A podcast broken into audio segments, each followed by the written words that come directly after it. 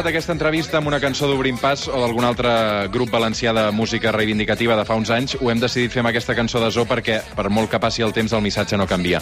Som a 11 d'abril de l'any 2020. 11 d'abril del 2020. Fa 27 anys de matinada, un grup feixista va assassinar un noi valencià de només 18 anys que es deia Guillem Agulló. Núria Cadenes, bon dia. Hola, molt bon dia. Com estàs, Núria? Doncs mira, confinada com tothom, eh, però m'ha m'ha sorprès i m'ha agradat que això que comenceu a, a parlar del Guillem Agulló, a més a més posant-hi música eh, actual, perquè jo crec que és una de les maneres eh, que s'expliquen el, que, el, el que està succeint, justament, Mhm. no? aquest fil que no, que no es talla, que no han aconseguit tallar eh, passats 27 anys. És important. Núria, eh, i és important també per les noves generacions que ens escolten, que, que són moltes, eh, definir primer qui és Guillem Agulló i Salvador, no? perquè molt segur que sí que eh, el recordarem i, i d'altres no tant. Eh, qui era Guillem Agulló? Doncs uh, Guillem Agulló era un, un noi de va- valencià, de Burjassot, uh, que era doncs, nedador, uh, era esportista, uh, antifeixista, antiracista, independentista, i tenia 18 anys quan el van assassinar. El van assassinar a la nit de l'11 d'abril del 93. Se n'havia anat d'acampada amb un grup d'amics i d'amigues de la seva edat, a Montanejos, i allà un grup de nazis el van identificar, el coneixien, el van assetjar, el van colpejar i finalment li van clavar una navalla al cor que el va, que el va matar. La Núria Cadenes ha publicat fa molt poc Guillem, una novel·la que no només eh, parla sobre el seu assassinat, sinó també sobre tot el que ha vingut eh, després. Mm. Escoltem un moment el, un tall de veu eh, de la mare, precisament, del Guillem Agulló. Volia convidar a tota la dreta que no ha sigut capaç de donar-nos el condol a nosaltres, que se'l donen als pares dels assassins, perquè nosaltres tenim un fill mort que viurà per a sempre. Però ells, desgraciadament i segurament sense saber-ho, engendraren fa 20 o 22 anys i donaren vida a la mort.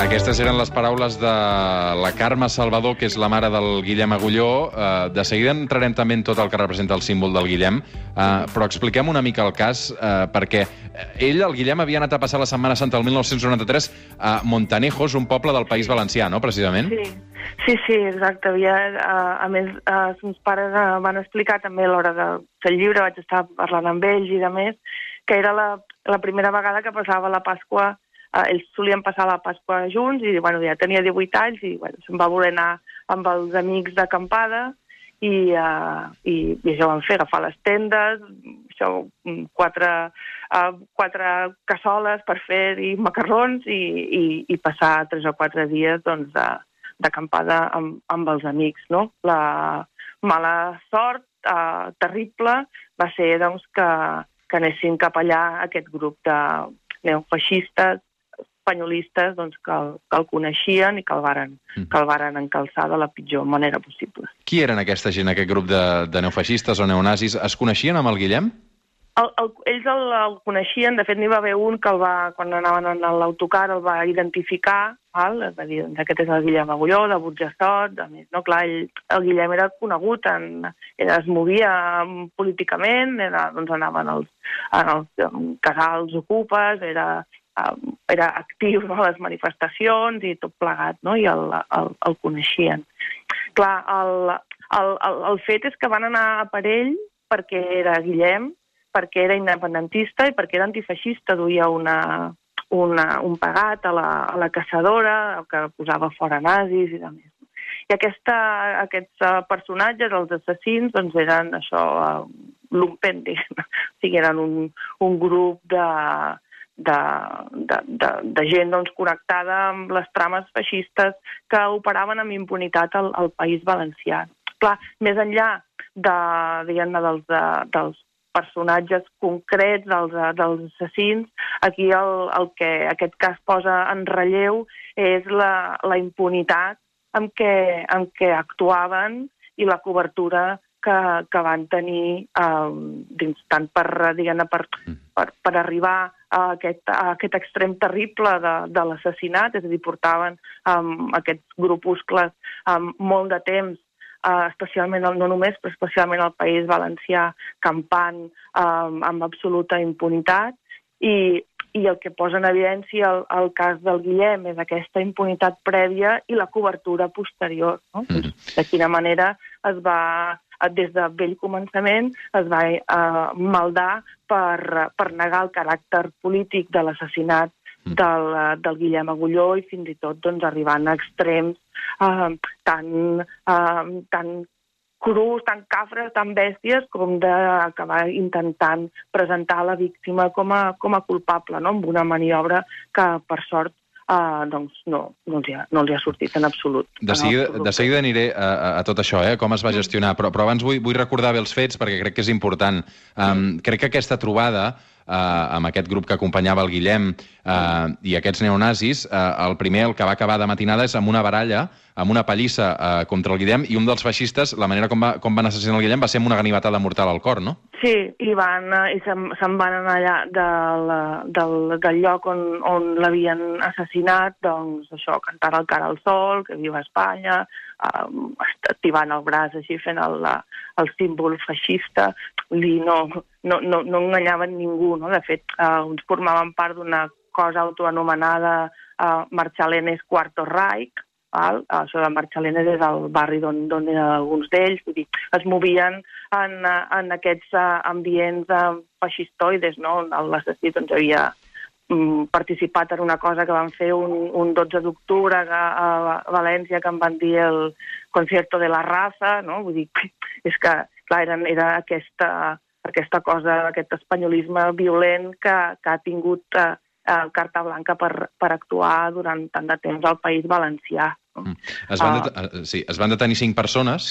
Uh, no, no, no, no, no, no, no es van detenir, que aquesta és una altra. Clar, que quan comences a... a, a, a quan segueixes el fil dels, uh, dels fets, uh, diguem-ne, encara és més esborronador tot, no? Perquè la, la nit de l'assassinat, que, que la, la nit del, del, del, del 10 al, a l'11 d'abril, que seria la nit, del, de fet, del, del dissabte al diumenge de Pasqua, no? doncs d'alguna manera seria aquesta nit, vinent.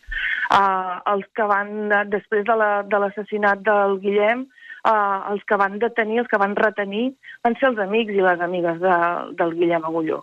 Van ser els que van quedar uh, tancats allà en unes dependències de Montanejos mateix, allà, eh? Dir, sent menors, i, i allà, en una sala, saps? T'acaben de matar l'amic, l'has vist caure a terra, vull dir que jo no, és que és, és difícil d'imaginar-te la situació, no? I els tenen allà tancats, els, els amics del Guillem. L'endemà al matí, diumenge al matí, els van sotmetre a hores de, de, d'interrogatori, de fet, de declaracions a ells, als amics. Eh? Vull dir, els assassins no els van detenir els assassins, després d'això, del cantar el cara al sol, de tota la cosa, aquesta parafernàlia horrible, se'n van anar a les seves tendes, van passar la nit tranquil·lament a les tendes, no els va importunar ningú. Mm -hmm. Sembla que uns, uh, un, una parella de Guàrdia Civil va córrer per allà, els, se'ls va trobar i els va dir si eren de, de Burjassot, i ells van dir que no, que eren de Bodella, o... i ja, aquesta va ser tota la cosa. Mm -hmm. L'endemà se'n van anar cadascú on va voler. Mm. I no els van detenir. Es van lliurar dos dies després, que seria el dimarts, mm -hmm. uh, coordinadament es van lliurar a, a la policia. Val? I, uh, i el, el darrer, l'assassí material, uh, es va lliurar el, el dimecres, no? que se n'havia anat a Alacant. Vull dir, es van lliurar de manera coordinada i van declarar també tots les mateixes, les mateixes coses. Vull dir, mm era una, un, una acció gens, diguem-ne, gens, gens espontània, eh? però no, no els varen detenir. El, el, el, que, el, sí, sí, sí. que el... tot és gros des de, des de, vell, des de vell començament. Uh, Núria, el, el judici uh, per l'assassinat del Guillem Agulló uh, va ser polèmic uh, perquè d'entrada, una, relacionat amb tot això que em dius, uh, no es va considerar que fos un crim d'odi i, de fet, uh, em va sortir un sol condemnat, l'autor de la ganivetada, que era el, el, el Pedro Cuevas, que crec que només va complir 4 anys de presó, sí. no? Sí, clar, és que, uh, diguem uh, aquell, en aquell judici va, va arribar un punt que, que no se sabia allí qui estaven, qui estaven jutjant. Realment aquells jutges semblaven, més, semblaven ja a la pràctica, uh, més interessats uh, a parlar del Guillem Agulló i de la seva ideologia que no pas a investigar els assassins. De fet, es van negar en tot moment a, a, a acceptar testimonis que, que parlessin de la, de la ideologia feixistoide i nazi dels assassins, les seves connexions amb les trames feixistes, tot això ho van negar d'entrada, no, no, no van permetre que, que sortís en el, en el judici i, i hi havia moments realment d'indignació i allí van, hi van passar coses en aquell judici que, que, són, que són difícils de creure, són molt difícils de creure. Passa que, bé, doncs és el que, és el que va succeir, és el que s'han de, de conèixer, no? Però justament per aquesta sensació de dir que jutgem el Guillem Agulló, jutgem el noi de 18 anys que han assassinat, o, o, o aquí s'ha de veure què, què ha mogut uh, els assassins uh, a, a clavar-li una punyalada al cor al Guillem, no? Doncs no, això no, no, no, no interessava en, en cap moment. Ah, va ser una cosa, va ser realment ignominiós. És que jo no, no tinc una altra paraula per descriure uh, aquell, a, aquell judici, no? Amb de... càrregues policíaques, vull dir, a fora de la... De, hi, va, hi va haver un... És que, clar, hi ha, hi ha cada episodi en, en, en el judici, que ell també és una cosa digna d'estudi, eh? Perquè uh, hi va haver unes... Uh, es van fer concentracions de protesta de gent, la gent jove, especialment al País Valencià, va, va reaccionar uh, doncs per, per denunciar aquest cas i es van fer unes concentracions a, a, fora, del, a fora del lloc on es, feia, on es feia el judici, per, justament per protestar, perquè no s'investigaven les trames feixistes, que va passar doncs, que van enviar la policia a carregar contra els estudiants, no? Mm -hmm. I uh, també amb unes càrregues realment uh, més, sempre ho solen ser de desproporcionades i n'hem vist recentment, especialment al Principat, doncs alguns exemples, però clar, ja eren clar, depèn de l'edat en què tu miris, no? però criatures, no? estudiants, asseguts a terra, amb carotes que hi posaven, jo també sóc Guillem Agulló. Mm. Van enviar els antiavalots a carregar amb pilotes de goma, amb les porres, van, van ferir la gent, fins al punt que uh, hi va haver botiguers, això de Castelló, que, que van fer entrar la mainada dintre de la botiguer, vull dir que no eren ni a la manifestació ni, i potser no sabien ni que s'hi feia, eh, aquella concentració.